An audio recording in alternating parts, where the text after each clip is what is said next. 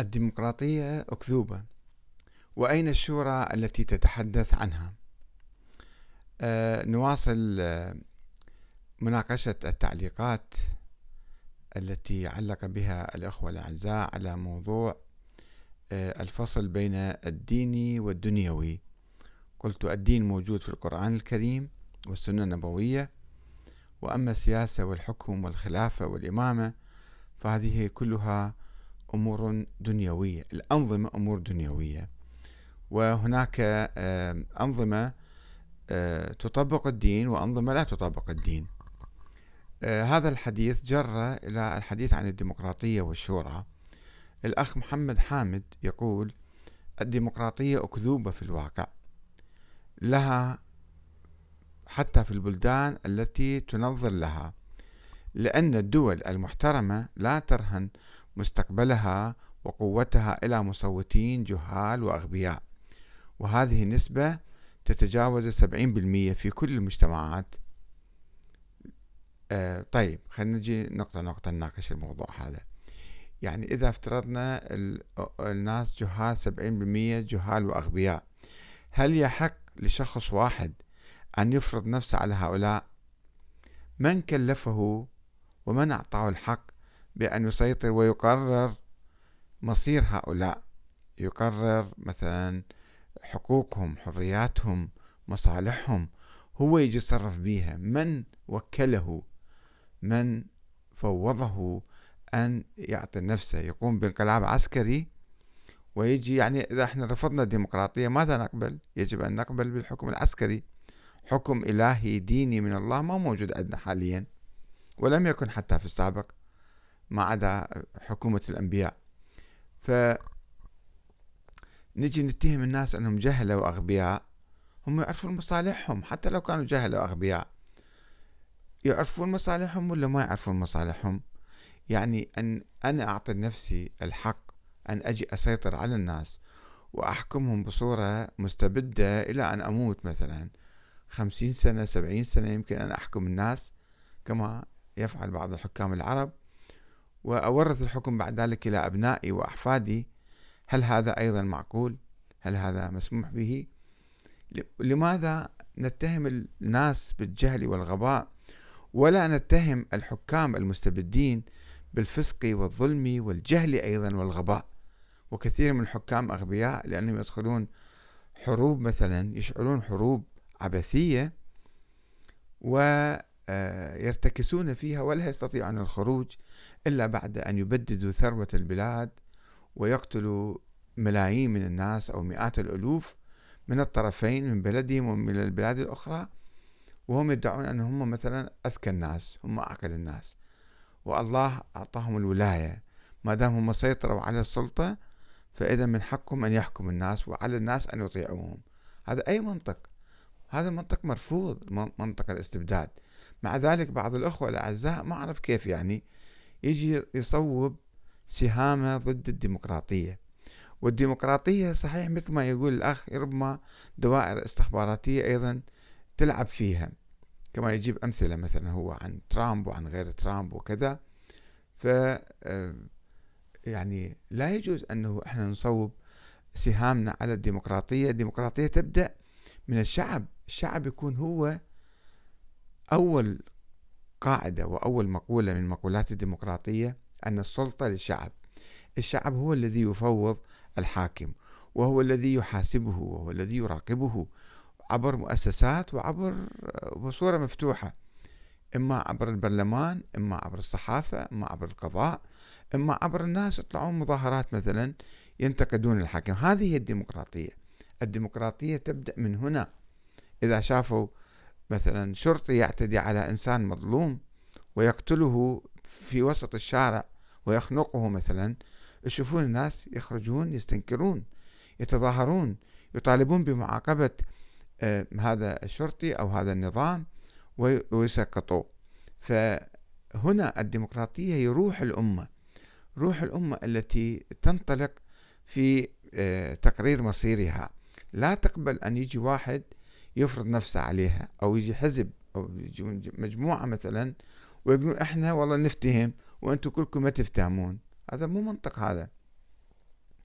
ويعود الأخ محمد حامد فيقول أيضا أما تجربة الشورى الإسلامية التي تدعيها مو ندعيها أولا في القرآن المبدأ موجود وأمرهم شورى بينهم فيقول فنسفها أمير المؤمنين في بيعة أبي بكر بقوله فلا للحاضر أن يختار ولا للغائب أن يرد. وبيعة عمر لم تحصل وكذا عثمان وبني أمية وبن العباس وإلى يومنا هذا فأين الشورى التي تتحدث عنها؟ أولا يا أخي العزيز محمد حامد بني أمية وبني العباس ما كانوا يدعون الشورى. اجوا بالوراثة سيطروا على السلطة بالقوة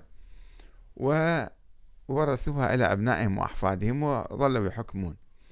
أما بيعة عمر وبيعة أبي بكر فهذا النص اللي ذكرته فلا للحاضر أن يختار ولا للغائب أن يرد. ما يتعلق في موضوع بيعة أبي بكر إنه بيعة أمير المؤمنين نفسه.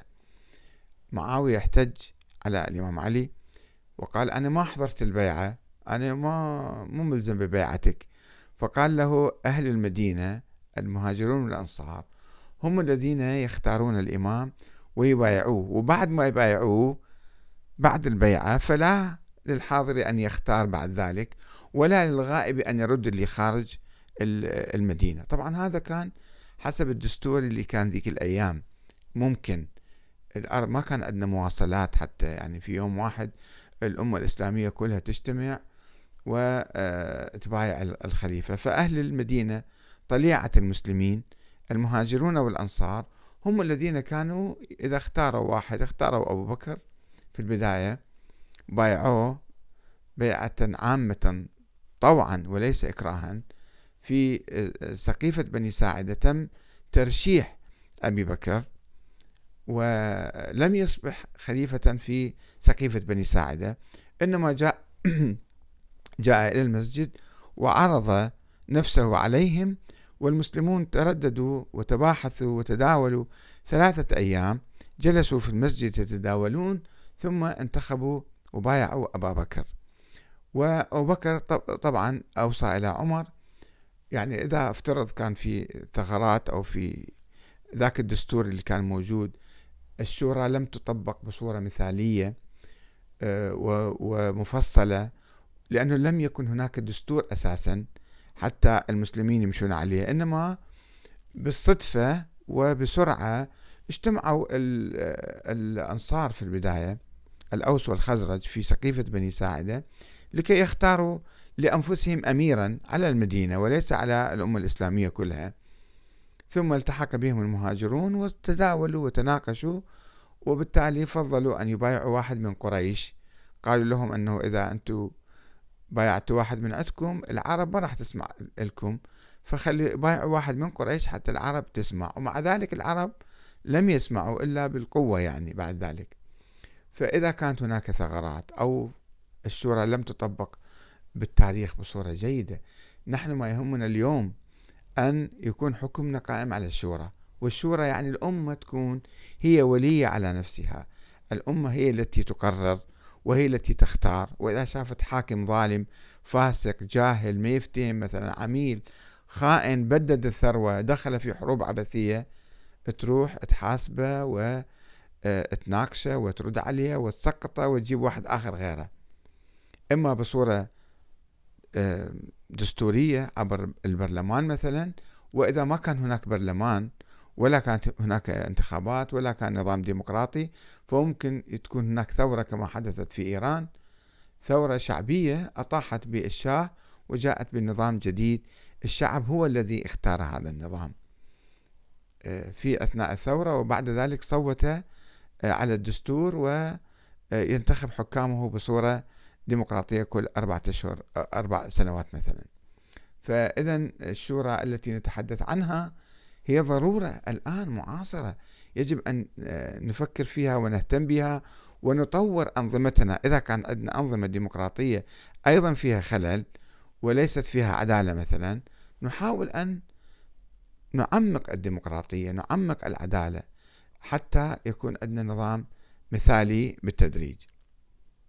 الأخ أبو محمد المشهداني يقول أستاذ لا يمكن أن تلتقي الديمقراطية والإسلام نظامان متناقضان. لا يا أخي العزيز الديمقراطية هي التطوير لنظرية الشورى التي كانت موجودة مبدئيا في القرآن وعند الجيل الأول من المسلمين الذي كان ينادي بالشورى. آه، وتم انتخاب على الأقل الإمام علي الإمام الحسن الإمام الحسين. إذا ما تعترفون بانتخاب أبي بكر وعمر وعثمان. آه، فأئمة الشيعة الثلاثة انتخبوا من الناس بالشورى. آه، و الديمقراطية هي العقل الإنساني طور طور طور هذا المبدأ. ففصل بين السلطات. قال خلينا نجعل سلطة تشريعية مستقلة. وسلطة تنفيذية وسلطة قضائية وأن الحكام مو يبقون في السلطة مدى الدهر حتى آه، يعني يجمعوا كل السلطات بأيديهم ويكونوا طغاة ومستبدين ديكتاتوريين. خلي نخلي فترة للحكام أربع سنوات خمس سنوات ست سنوات أقل أكثر آه، بالتالي ال ال ال يكون تداول سلمي للسلطة. مو أن واحد يشبث بالسلطة فيدفع الناس الآخرين لكي ينقلبوا عليه عسكريا أو يستعينوا بقوى أجنبية لكي يسقطوا هذا النظام ويجوا يحلوا بمحله. فالديمقراطية ضرورة هي تطوير لمبدأ الشورى ولا تتناقض مع الشورى. يمكن في الأنظمة الأخرى البوذية اليهودية النصرانية الكذا كل كل نظام مثلا يطبق الديمقراطية حسب قيمه ومبادئه. إحنا في الإسلام كمسلمين نطبق النظام الديمقراطي الإسلامي يعني في ظل الإسلام وبتطبيق قوانين الإسلام وأحكام الإسلام ما عندنا تناقض لا نرى أي تناقض بين الديمقراطية وبين الإسلام. لا ندعو إلى الديمقراطية الملحدة أو الديمقراطية المعادية للإسلام. آه الأخ فرج أبو رغي أبو رغيف يقول هل خلافة عمر صحيحة من وجهة نظر ديمقراطيتك حيث جاء بالتعيين؟ طيب أنا أجي معك عمر جاء بالتعيين وخلافته يعني هو بوصية من آه، أبي بكر ولكن المسلمين بايعوه طواعية لم يبايعوه يعني إجبارا وقسرا ما كان عنده لا سلاح ولا كان عنده جيش. فعامة الصحابة بايعوا عمر وبالتالي أصبحت خلافته صحيحة.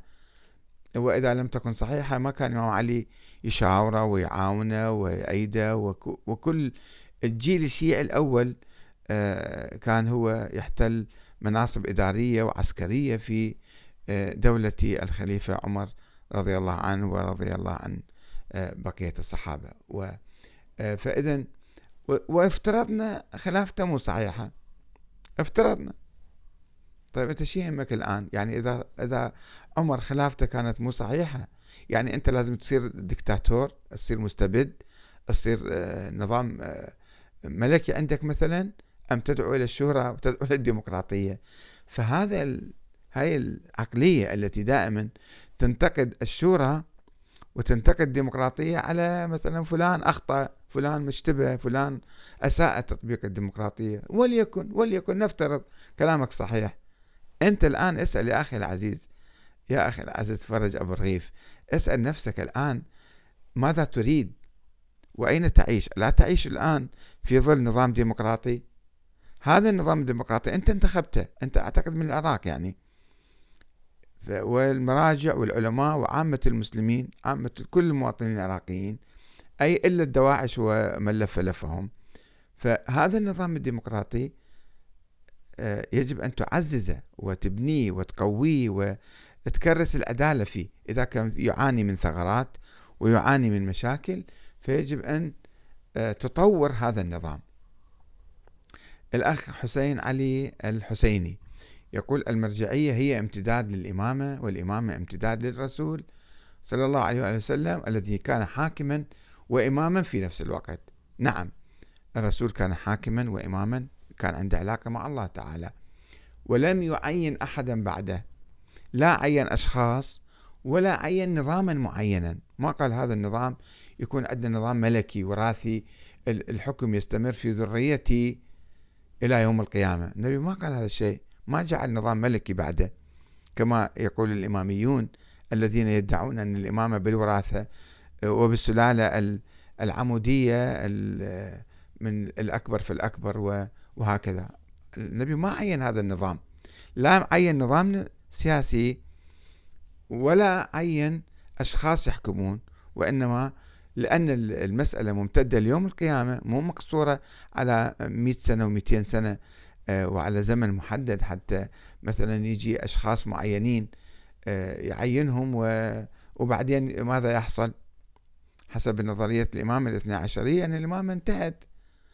الإمام الحسن العسكري توفى ولم يتحدث عن الإمامة لم يشر من هو خليفته بعده وانتهت نظرية الإمامة.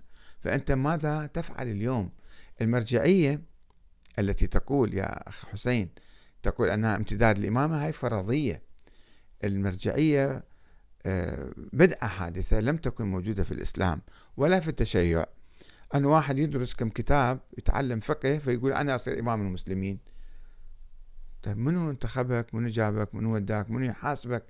الآن المرجعية هي في الحقيقة آه، أسلوب ديكتاتوري مضاد للإمامة. مضاد لي يعني روح الإمامة الإسلامية اللي أقصد فيها الإمامة القائمة على الشورى والقائمة على العدالة. يجي واحد يقول لك أنا أصير أربعة خمسة ينتخبوه. ما نعرف من هم اللي ينتخبوه. يسوي له دعاية يعطوه فلوس مرة واحدة يطلع هو يصير مرجع. وهو يفتي كما يشاء ولا أحد يحاسبه ولا أحد يراقبه ولا أحد يشير عليه. وحتى لو تأمر بالمعروف وتنهى عن المنكر ممنوع ما يصير هذا هو يفتيهم كأنه نازل من السماء. لا المرجعية من الدين ولا الإمامة من الدين. وليست لا امتدادا للرسول ولا ما في الرسول آه، ختم النبوة ولا أحد متصل بالسماء بعد النبي محمد صلى الله عليه وسلم.